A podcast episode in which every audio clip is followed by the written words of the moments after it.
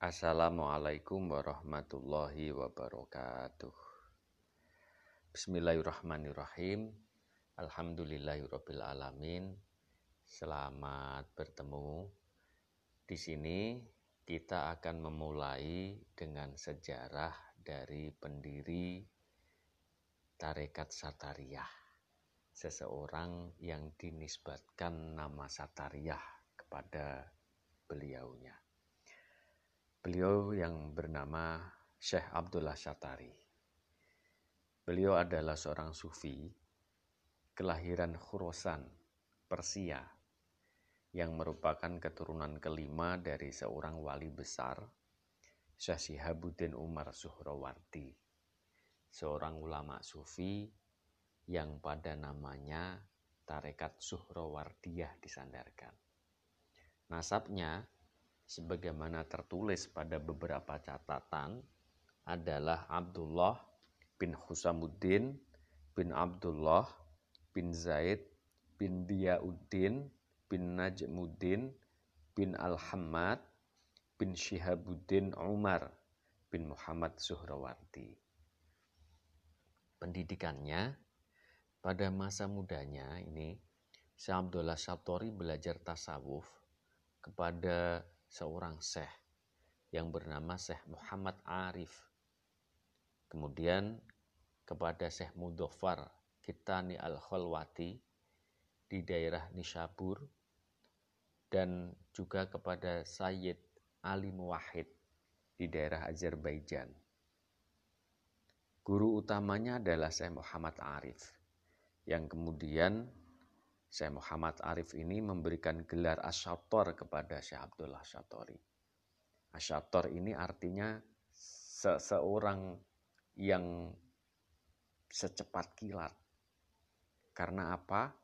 Karena cepatnya beliau, Syekh Abdullah Syatori menempuh tahapan makomat dalam tasawuf. Mengikuti perintah gurunya, beliau mendapat tugas untuk berkelana membimbing murid ke seluruh pelosok negeri. Beliau berkelana ke seluruh Irak, ke daerah Khurasan, ke Azerbaijan, dan terakhir ke India. Berbeda dengan para sufi pada zaman itu, Syekh Abdullah Satori berpakaian sebagai seorang bangsawan, sebagai seorang raja. Para murid yang mengikutinya berpakaian seperti prajurit, dengan membawa panji-panji untuk penanda kedatangannya di beberapa tempat. Beliau mengundang para sufi untuk mengunjunginya, mengajaknya berbicara, berdiskusi, dan mengajaknya untuk menjadi pengikutnya. Cara ini sangat unik dan berbeda dengan kalangan sufi pada umumnya. Di India, pertama kali beliau singgah di daerah Jaunpur, kemudian melalui Multan, daerah Lahori, Delhi. Di Jaunpur ini beliau memperoleh banyak pengikut. Dari sini beliau pindah ke Surhurpur, di mana Syekh Daud Kolandar, seorang sufi tarekat Kolandariyah, mengikuti dan menjadi muridnya. Dari sini kemudian ke Manikpur dan kemudian ke Bengal. Seorang sufi Bengal, Syekh Muhammad Alakodin, yang semula menolak, malah kemudian menjadi murid utamanya setelah bermimpi bertemu dengan ayahnya dan dinasehati untuk menjadikan Syekh Abdullah Satori sebagai gurunya. Dari sini kemudian beliau menuju Ekdalah dan terus ke Malwah. Di sinilah, di daerah Malwah ini, beliau mendapat sambutan yang positif dan dukungan dari penguasa Malwah Sultan Muhammad Khalji dan putranya Sultan Riyasuddin. Beliau kemudian mendirikan Khonqoh atau pondok sufi Syatariah pertama di daerah Mandu wilayah Malwa ini. Syekh Abdullah Syaftori kemudian menulis naskah Latoiful Waibiyah yang berisi tata cara likir dan dasar ajaran tasawufnya dan mendedikasikan kitab tersebut untuk Sultan Yasuddin Khalji yang wafat tahun 1500 Masehi. Isi ajarannya yang dikembangkan oleh Abdullah Satori antara lain tentang cara tercepat mencapai makrifat dengan menformulasi apa yang beliau sebut sebagai masyrab syatoriyah. Masyrab ini terdiri dari beberapa praktek zikir dan kontemplasi yang tentunya harus berdasarkan bayat dan petunjuk guru mursyid. Syekh Abdullah Syatori wafat di Mandu pada tahun 1485 Masehi dan dimakamkan di dekat makam Kesultanan Khelji penguasa Malwa. Pada abad 17 Masehi, sebuah kubah dibangun di atas makamnya atas perintah Sultan Jahangir yang mengunjungnya bersama dengan Syah Birmerut. Cerita atau biografi tentang Syekh Abdullah Satori ini bersumber dari sebuah disertasi Qazi Mu'inuddin Ahmad yang berjudul History of the Satari Silsilah dari Universitas Aligarh pada tahun 1963. Demikian tentang sejarah singkat Syekh Abdullah Syatori. Semoga bermanfaat. Assalamualaikum warahmatullahi wabarakatuh. Assalamualaikum warahmatullahi wabarakatuh uh, kita lanjutkan tentang ajaran penting Syekh Abdullah Satori. Salah satu dari ajaran Syekh Abdullah Satari yang terpenting adalah mencegah sikap melebihkan diri dan mencegah rasa berbeda dengan orang lain. Beliau menumbuhkan sikap rasa kebersamaan dan rendah hati pada murid-muridnya dengan menekankan mereka pada ajaran dan amalan tarekat satariyah secara ketat dan disiplin tanpa menimbulkan sikap memandang rendah pada aliran mistik dan tarekat yang berbeda. Lebih lanjut, beliau menyatakan jika seorang muslim merendahkan nabi agama lain misalnya, ia berdosa secara syariat. Seorang pengikut tarekat yang merendahkan tarekat lain, niscaya ia berdosa secara tarekat.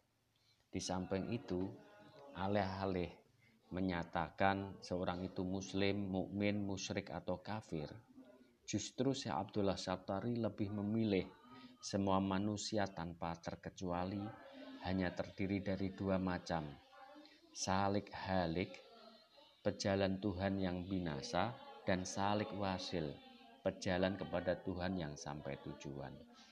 Kategori pertama, salik halik itu, beliau menempatkan semua orang yang menyembah simbol seperti batu, bulan, air, atau matahari, atau menyembah apa pun, itu namanya sebagai seorang yang binasa. Pada kategori kedua, salik wasil itu adalah mereka yang mencintai realitas atau kebenaran sejati dan tidak terjebak pada penghambaan kepada fenomena-fenomena dan segala bentuk dan perwujudan yang ada. Beliau meyakini ketika keduanya sama-sama pada satu tujuan, perbedaan secara metode dan cara tidak menjadi masalah. Pemikiran ini mempengaruhi satu dasar pemikiran toleransi secara mendalam pada generasi Mursid Satariyah setelah beliau dalam hubungan dengan seluruh non-muslim. Demikian salah satu ciri khas dari ajaran tarekat Satariyah. Semoga bermanfaat. Assalamualaikum warahmatullahi wabarakatuh. Assalamualaikum warahmatullahi wabarakatuh. Uh, selamat bertemu pada kesempatan kali ini kita akan membahas tentang para penerus dari Syekh Abdullah Satori. Syekh Abdullah Satori, seperti kita tahu, menunjuk dua murid utama untuk meneruskan ajarannya. Yang pertama Syekh Hafid Janpur dan yang kedua Syekh Muhammad Ala Qodin dari Bengal. Syekh Hafid Janpur Sayang sekali sangat sedikit sejarah yang bisa diketahui selain beliau mempunyai murid utama dan penerusnya atau khalifahnya yang bernama Syekh Budan Asyattar. Syekh Budan Asyattar ini sosok ulama yang terkenal pada zaman Sultan Sikandar Lodi. Penulis Akhbar il Akhyar menjelaskan bahwa Syekh Budan ini adalah keturunan dari Syekh Abdullah Syatori. Kenyataan bahwa beliau adalah guru dari Syekh Rizkullah Mustaki yang merupakan seorang ulama terkenal yang mempunyai pengetahuan yang luas dan mendalam yang juga menguasai secara fasih bahasa Arab, Persia, dan Sanskrit. Ini cukup menguatkan otoritas Syekh Budan sebagai sosok paling berpengaruh pada zaman itu. Tentang Syekh Rizkullah Mustaki, murid dari Syekh Budan ini, eh, penulis Subhan Al-Husan menyatakan bahwa beliau juga menguasai secara penuh keilmuan dalam agama Hindu Pengetahuan yang mendalam ini tersimpan dalam tradisi silsilah keilmuannya. Selain itu, Syekh Rizkullah juga seorang penyair yang handal dengan karyanya dalam bahasa India dan Persia. Beliau juga menulis Waqiatul Mustaq yang merekam berbagai peristiwa pada masa kekuasaan dinasti Afgan dan Mughal pada periode masa tersebut. Syekh Rizkullah Mustaki, murid dari Syekh Budan, dari jalur Syekh Hafid Jampur ini ini meninggal tahun 1581.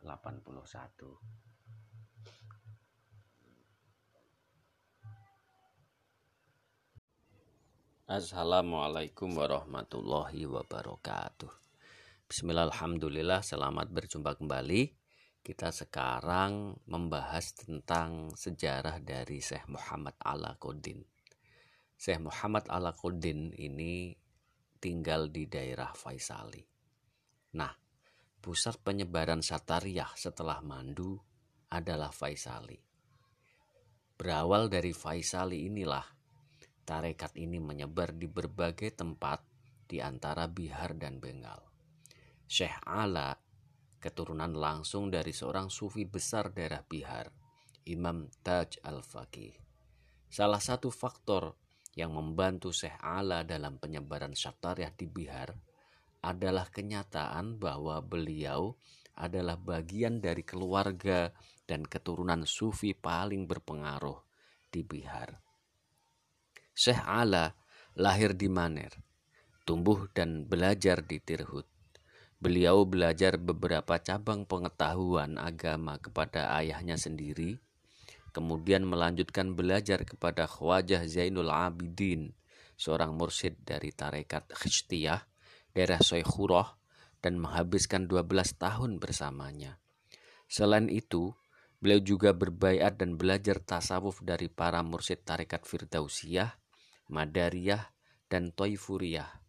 Beliau menerima ijazah dan khirqoh untuk membaiat dari masing-masing para mursyid tersebut. Dalam pada itu, beliau belum menemukan seorang guru sejati yang bisa menunjukkan masalah rohani dan menunjukkan jawaban atas kerisauan hatinya. Beliau kemudian berkhalwat di sebuah makam wali terkenal di Maner, tanah kelahirannya, Syekh Syarafuddin Yahya. Beliau tinggal di sana beberapa saat untuk berdoa menemukan guru pembimbing sejatinya. Di lain kesempatan, Syekh Muhammad Abdul Hakim, salah seorang sahabatnya, menasihatinya untuk membaca kitab karya Syekh Abdullah Syatari, Risalah Lataiful Ghaibiyah. Namun Syekh Ala enggan untuk melakukannya. Dia malah mengutus Maulana Sa'dullah, salah seorang sahabatnya yang lain, untuk kembali ke makam Syekh Syarafuddin Yahya untuk berdoa mohon petunjuk siapa guru sejatinya. Sekembalinya dari makam, Syekh Sa'dullah menyatakan bahwa Syekh Sarufuddin Yahya dalam sebuah isyarat memerintahkan beliau untuk mengikuti jalur tarikat Syekh Abdullah Syatari. Syekh Alaquddin kemudian mengikuti petunjuknya ini menuju Mandu dengan ditemani oleh Syekh Muhammad Abdul Hakim. Saat itu sedang musim panas yang cukup terik. Syekh Qaddin melakukan perjalanan ke Malwa dengan berjalan kaki. Ini adalah hal yang luar biasa karena sebenarnya beberapa tahun yang lalu Syekh Abdullah Satari pernah mengundangnya untuk mengikuti tarekatnya. Namun Syekh Allah dengan tegas sedikit angkuh menolak ajaan ini. Dengan kata-katanya, banyak orang dari Khurasan adalah pengkhianat. Ketika Syekh Abdullah Satari mengetahui bahwa yang datang sekarang ini untuk menjadi muridnya adalah seseorang yang sama yang dulu pernah menolaknya, beliau dengan sengaja membiarkan Syekh Allah ini untuk tidak dijumpainya selama tiga hari. Pada hari keempat, Syekh Abdullah Satari menjumpainya dan segera mengetahui bahwa masalah pada diri Syekh Ala Kodin adalah kepribadian yang terpisah-pisah karena banyaknya tarekat yang diikuti. Satu instruksi yang penting kepada Syekh Ala adalah untuk meninggalkan semua tarekat yang telah diikuti dan hanya konsentrasi pada tarekat Satariyah saja. Beliau juga diperintahkan untuk berpuasa tiga hari dengan hanya berbuka selama puasa tersebut dengan beberapa tetes air. Beberapa saat kemudian, teman Syekh Muhammad Ala, yaitu Syekh Muhammad Abdul Hakim, menderita sakit yang cukup serius. Maka Syekh Ala harus menghentikan riadohnya. Dia meminta izin untuk menemani Syekh Hakim ini untuk pulang ke Bihar. Lalu tidak beberapa lama kemudian, beliau kembali lagi ke Mandu. Berbeda dengan sebelumnya, kali ini Syekh Abdullah Syabtari menyambutnya dengan hangat dan segera kemudian setelah beberapa saat membaiat Syekh Ala Kodin sebagai muridnya. Ini terjadi pada tanggal 4 Dhul Hijjah tahun 880 Hijriah bertepatan dengan tanggal 7 Mei 1475 Masehi. Ketika Syekh Abdullah Syartori merasa cukup yakin bahwa pada diri Syekh Alakodin sudah sudah cukup terintegrasi ke dalam ajaran Sartoria, beliau memberikan ijazah kemursitan kepada Syekh Alakodin. Ini adalah puncak pemberhentian yang terakhir pencarian spiritual Syekh Alakodin dan beliau menemukan bahwa kepuasan spiritualnya beliau temukan pada jalan Syatari.